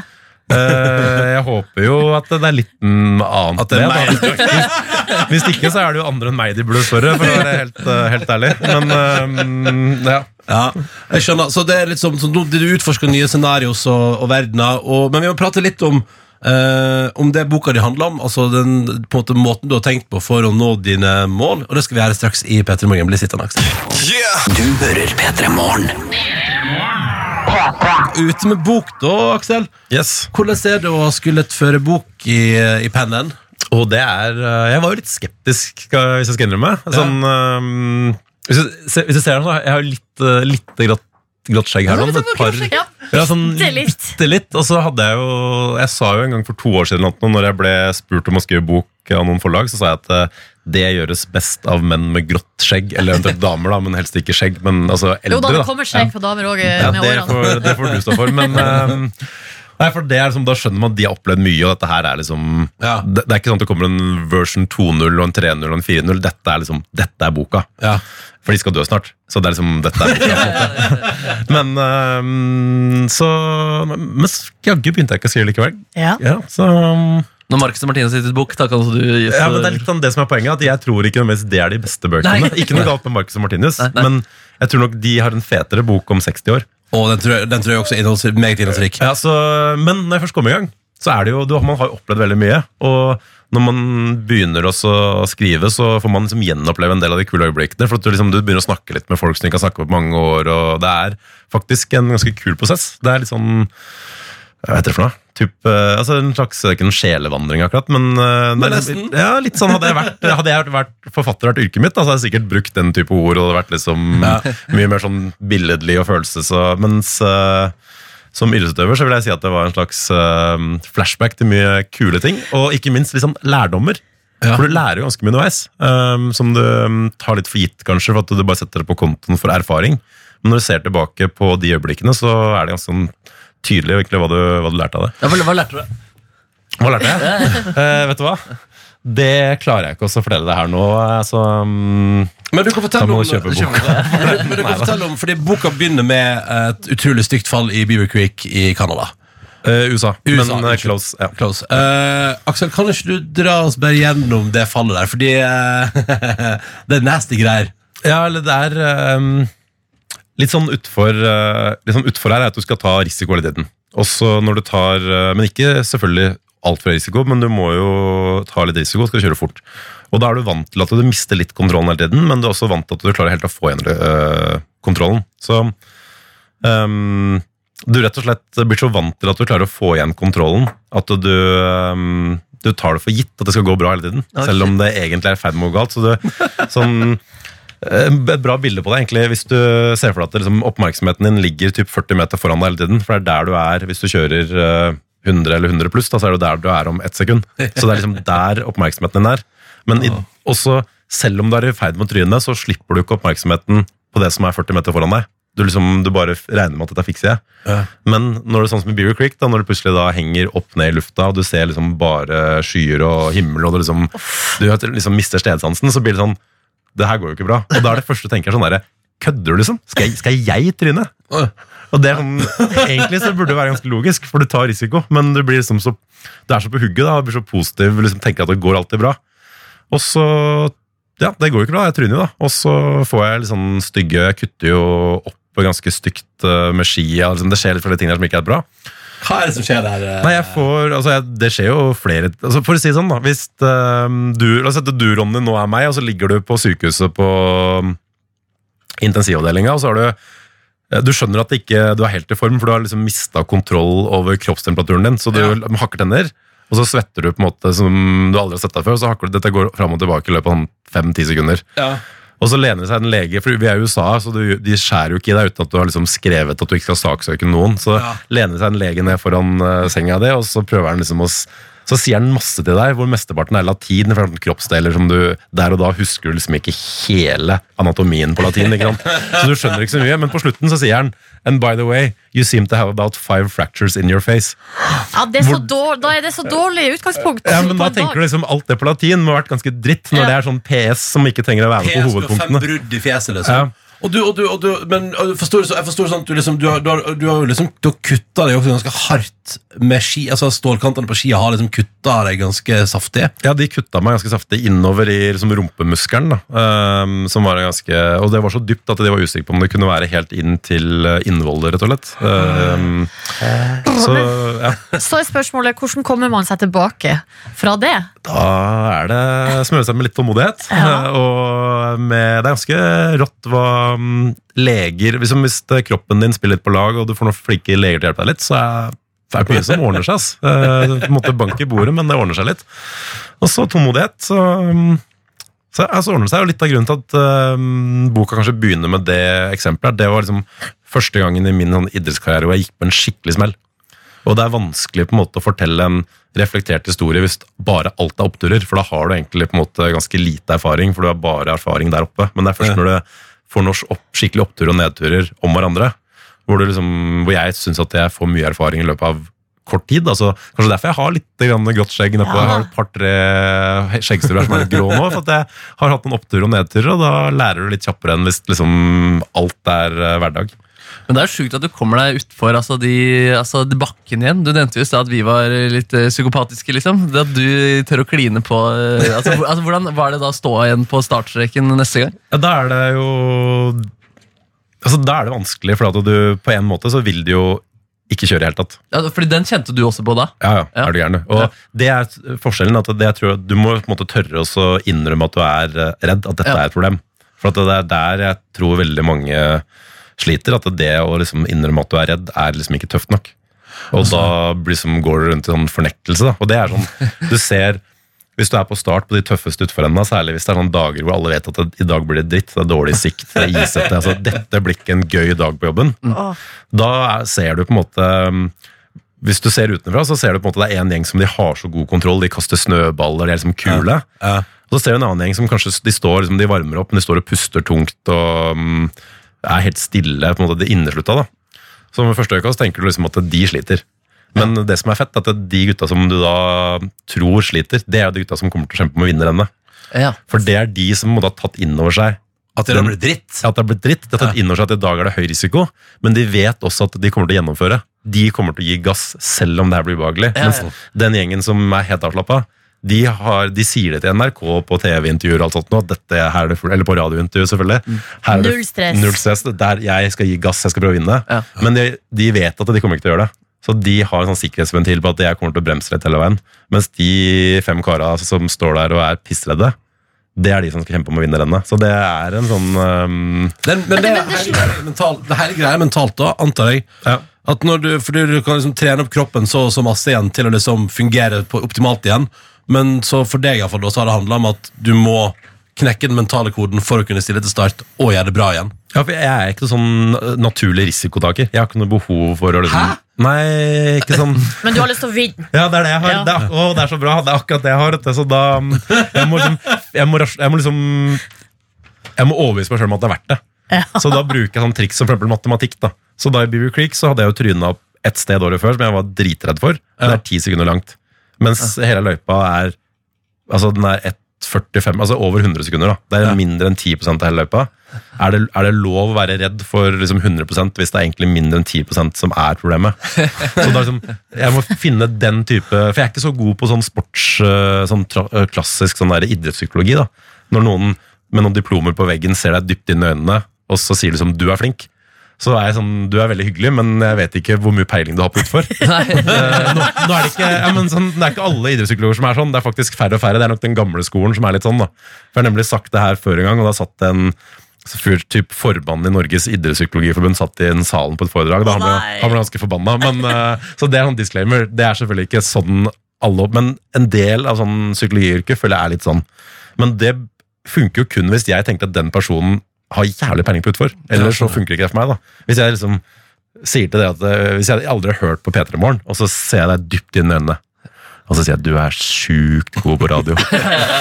Jeg, blir, jeg blir, synes det er hyggelig at du sier det også. Faktisk, ja, det kommer fra deg, men eh, sånn radiofaglig jeg skjønner poenget. Ja, du skjønner poenget. Ja. Så det, er, eh, det blir litt det samme på idrett. At du må liksom finne um, en litt sånn eh, ris risk reward, sier vel pokergutta. på en måte da. Er det noe vits i å på en måte gå all in med de kortene her hvis det ikke ligger mer penger på bordet i den potten enn det her? liksom? Ja, det er, men hvor, hvor heftig konkurranseinstinkt eh, har du, da? Eh, ganske heftig på de tingene jeg på måte går inn for at jeg har lyst til. Sånn som ref. bok. da. Ja. Nå l- leder jeg jo de der salgslistene. Ja, ja. Og det synes jeg er ganske Det er såpass fett at når jeg går opp med en bokhandel, så prøver jeg liksom å se inn gjennom vinduene og se om jeg kan se den der lista hvor jeg ser at, ser at boka ligger øverst. Uh, uten at noen skal se at jeg gjør det. på en måte Jeg det er litt freaky òg. Ja.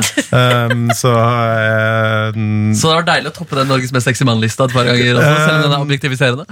den, eh, Og den føler jeg er det liksom eh, Er det litt sånn som at noen ser deg inn i øynene og sier på en måte 'denne vant du' Eller er det, slags, er, det noe poengsystem, eller er det liksom ikke helt eh, Nei, jeg tror det er vanskelig å i Ja, hvert fall tror- gå sånn systematisk til verks. Ja. Det er noen jeg- jeg damer som sitter og bestemmer seg. men, du tror ikke på Nei, jeg tenker at det, det har litt med hvor mye oppmerksomhet du har fått. Så det er litt sånn, hvis eh, nå Hvis du er på forsiden av alle aviser i hele Norge nå Da har du gjort det alvorlig galt. Ja, da, har- da, har du, da har du, eller du har gjort det alvorlig bra. ja, det, ja, ja. Ja.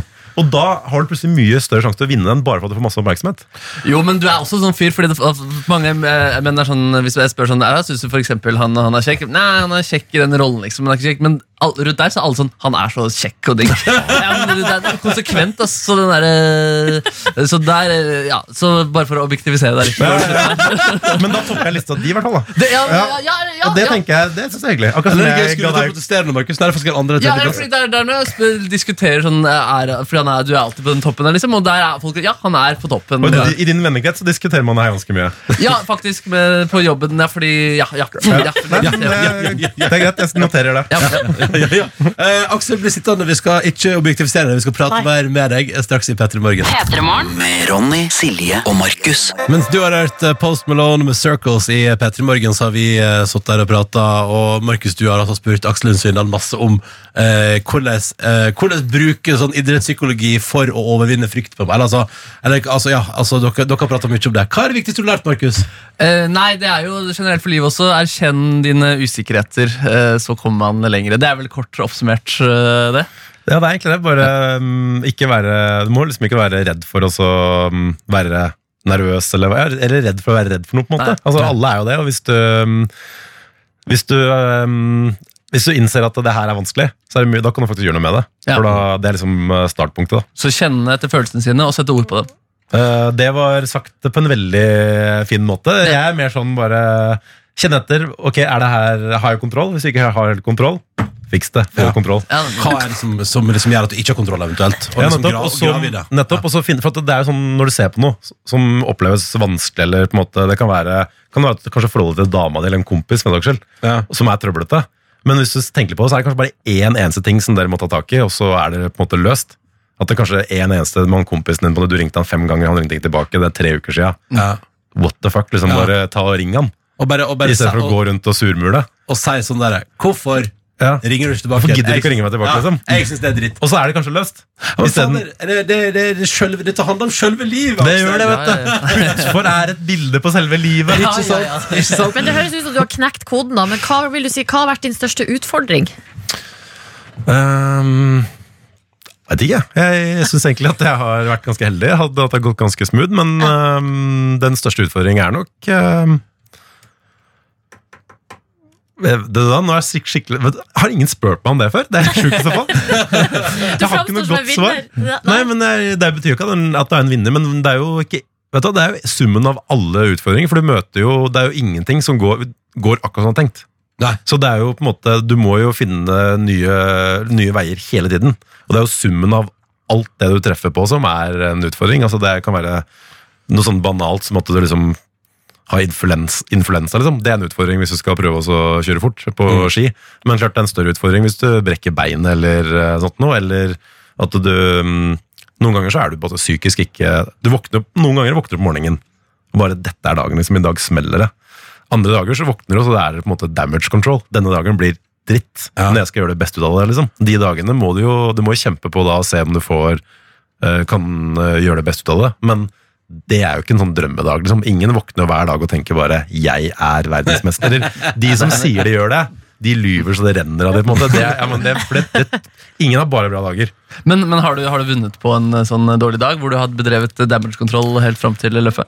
Ja, det, er, eh, det har det faktisk det. Noen, eh, og da må du jo overbevise deg sjøl om at dette, det, det, dette ordner jeg, da. Og så er det ikke minst det at hvis du har liksom uh, Spare litt på kruttet, Altså, Istedenfor å da stresse hele dagen, på en måte, så må du bygge opp en sånn kraft som gjør at idet liksom du starter løpet, så bruker du all den krafta du har i kroppen på en måte, den dagen. Den får du bare dra ut i to minuttene, og så kan du gå og legge deg på senga etterpå igjen. Bare vite at, og bare liksom klare å få hodet til å forstå at Det er to minutter som gjelder i Ja. hele dag. Av de 24 timene som ligger foran meg, Nettopp. er det to minutter som er viktig. Og det, da føles det som, vet du hva Også hvis du da i tillegg tenker at etterpå kan jeg legge meg under sofaen liksom, og, Eller ikke under sofaen, det var kanskje sofaen. litt voldsomt Det er ikke noe, det er ikke noe atombombeangrep på gang her liksom, Men nei, så kan jeg legge meg under dyna og slappe av litt Da er det litt sånn reward òg, da Som kommer etterpå Men, men Aksel, vi pratet i stad om at boka di starta med dette helt forferdelige fallet ditt i Beaver Creek, der du har fem brudd i ansiktet og kutta deg opp eh, på stålkanten på skia.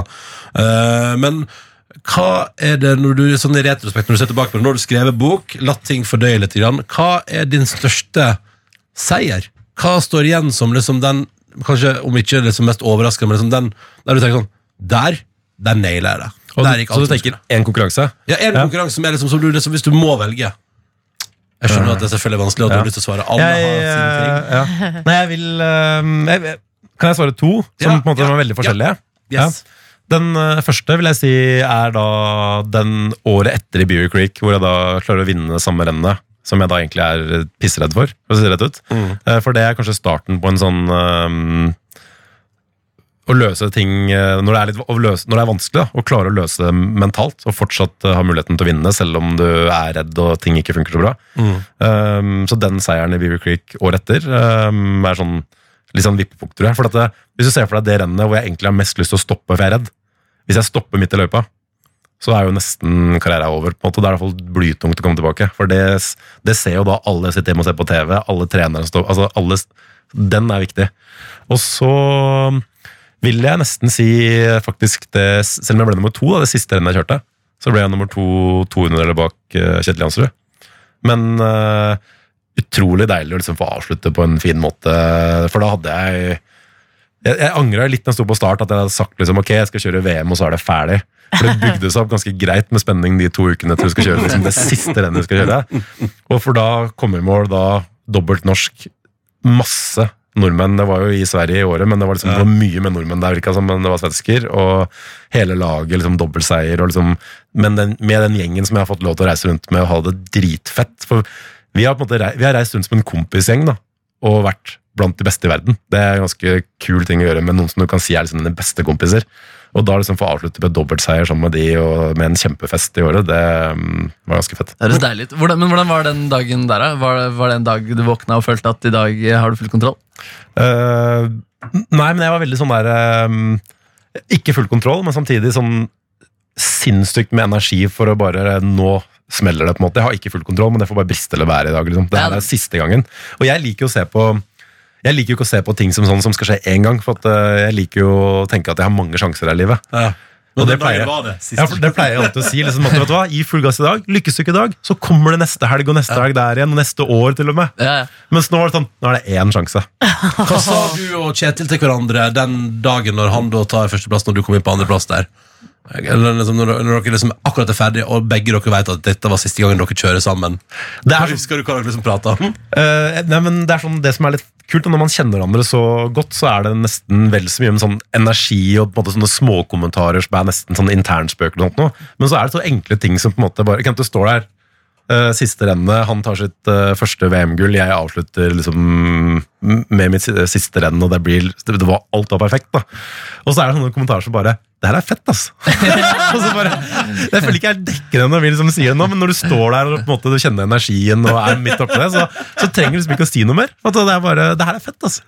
Og det er jo det. Ja, det er, kjempe, ja, det er, det er dritfett. Å, det er koselig. Eh, Aksel Lund Svindal, du har tatt med deg en liten musikkmiks til oss. En liten, vi pleier å kalle det motivasjonsmiks her i Petter Morgen, og du har tatt med noen av de låtene som har betydd mest for deg i livet. Det skal vi gå gjennom eh, her i radioen etter klokka ni, og det, jeg lover at det blir anthems og variasjon, tror jeg er et annet stikkord for det vi skal få oppleve. Det er bare å glede seg, folkens. P3. Aksel Lund Svindal er på besøk og har tatt med seg en real musikkmiks til oss. Og gud, det blir variert. Eh, vi, skal, vi skal blant annet spille ditt, eh, det som du fortalte oss nå, er ditt eh, favorittband Guns N' Roses gjennom livet, eh, Aksel. Yes. Eh, og så skal vi innom både JC og Dr. Dre fra hiphop-perioden din. Men vi begynner med noe meget norsk og meget eh, 90-tallsorientert. Hva er den? Du har tatt med noe Postgirobygg, rett og slett? Yes, det er eh, fra da jeg var liten eh, skikjører som eh, reiste rundt og kjørte lokale renn, så var det en av trenerne som eh, kjente Postgirobygget, så det var eh, sånn mixtape før de kom ut med noe album. Tidlig Så- Tidlig Postgirobygget. Det er Bohemen Leve med Postgirobygget. Som er eh, litt sånn minner fra oppveksten og kjøre på ski i lokal klubb på Romerike. Ikke sant? Og da kjørte dere rundt i minibuss og hørte på Bohemen leve. Yes. Eh, Var drømmen da å bli best i verden? Eller hva tenkte du da? Da, da var jeg ganske enkel, og det var drømmen å kjøre fortere enn de andre gutta i minibussen. Enkelt og greit. Og oppladninga var Postgirobygget, og det starta vi med nå i miksen til Aksel.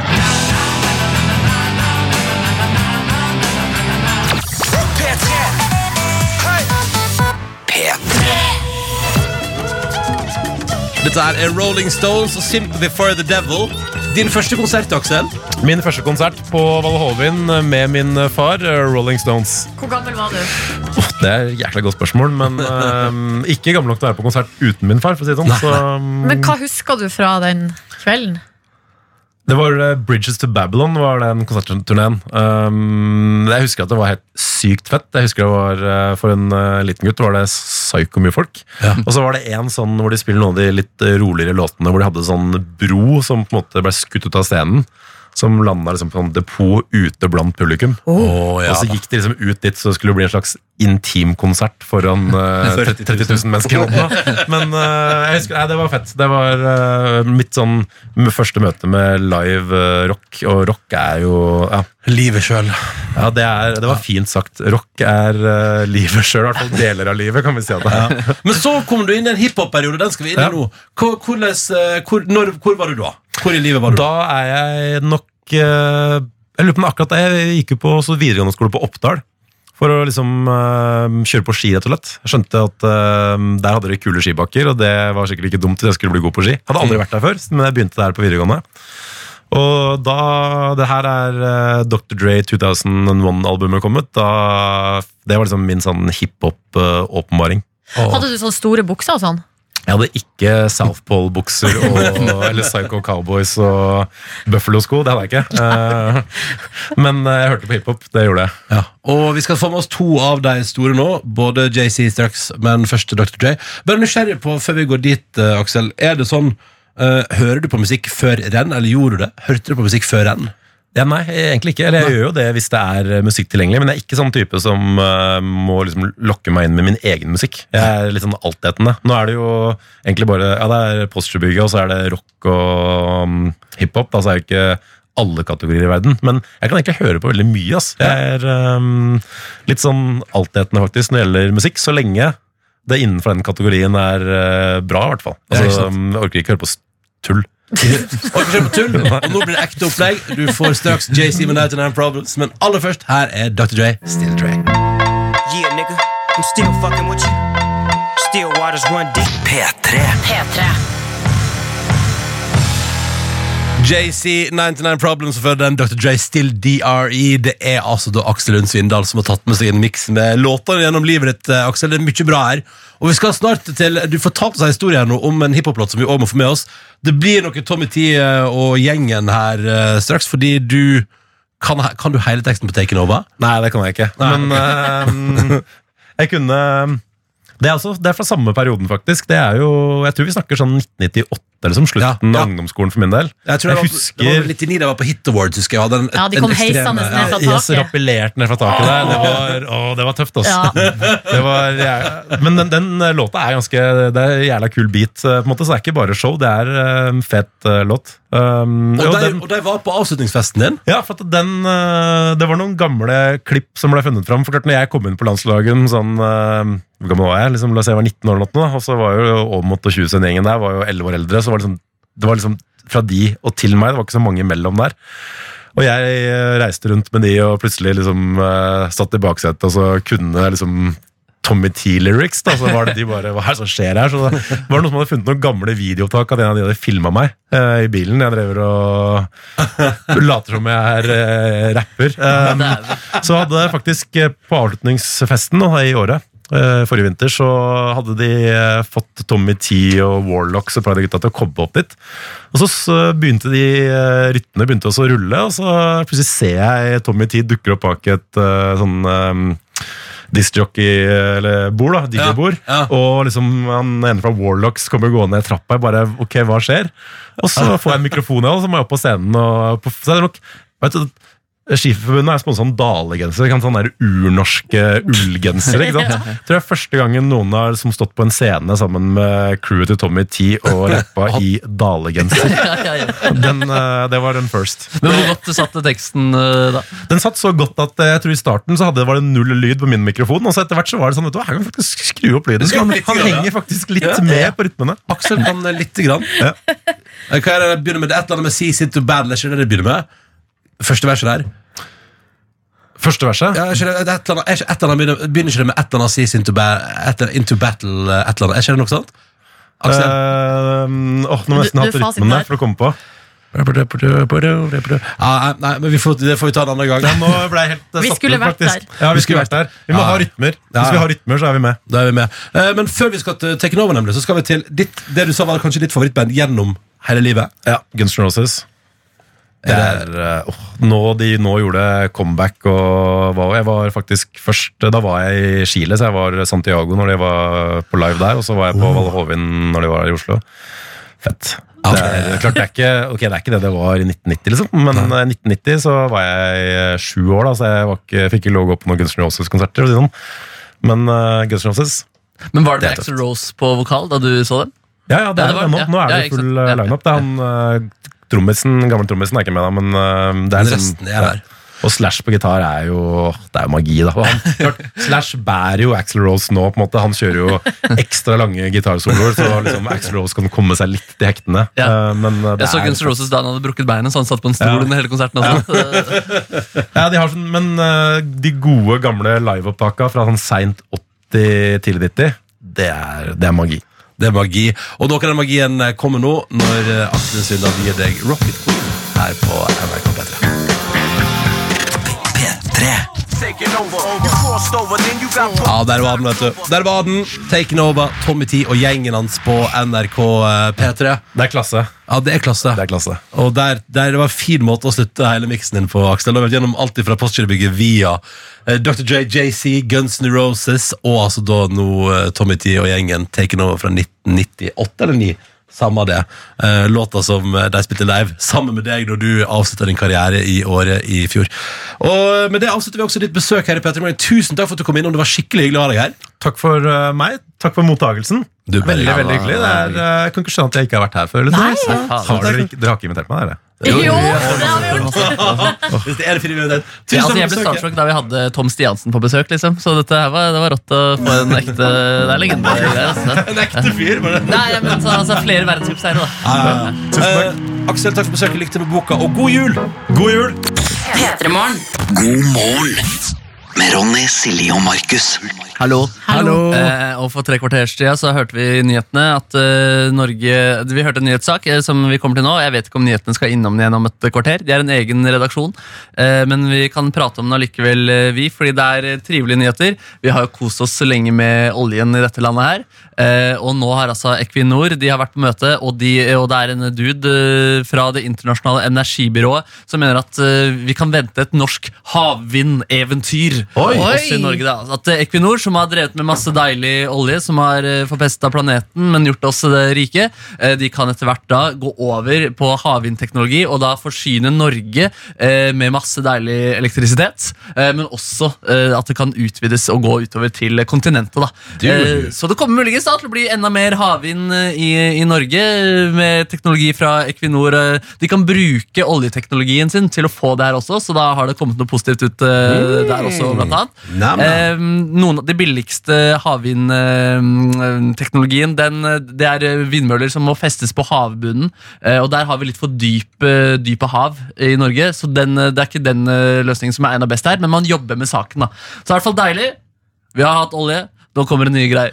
Shit, men så deilig å høre Jeg blir jo veldig glad for et, et firma som du sier Som har skodd seg i årevis Og selvfølgelig hanka inn og gjort at vi en gjeng med bortkjente Rike, deilige potetfolk Som han sønnen til Aune Nei, Ja. ikke Aune Sand heter han? Odd Nerdrum. Øde Nerdrum har kalt oss potetfolket Som kommer over litt olje Ja. At nå, nå kan vi si til Øde Nerdrum Men så Øde det, oljefolk har også kommet over ny teknologi som er bedre! Who's laughing now? Eh, eh, ingen av oss får han stå og male en plass og nyte livet i baris. Ja, det er sant, ja. Nyte livet Han i hører ikke på. P3morgen, han. Øden, uh, Det hadde overraska meg så far. Jeg hører aldri på Morgen. Ja, Jeg tror, ikke han vet, hva- jeg tror faktisk ikke han vet hva radio er. Tror han hever seg over P2 også? Ja, ja, ja. Peto, altså potetkultur. Nei, men Prosit, fordi det er jo, de ble jo litt ledd av da. Statoil da de bytta navn til Equinor. eh, Men de var jo framtidsrettet med det her, og da skal de prøve å bli mer grønne. Jeg vet ikke om de skal gå fullstendig vekk fra oljen jeg, i løpet av 200 års tid, eller hva man, hva man tenker der.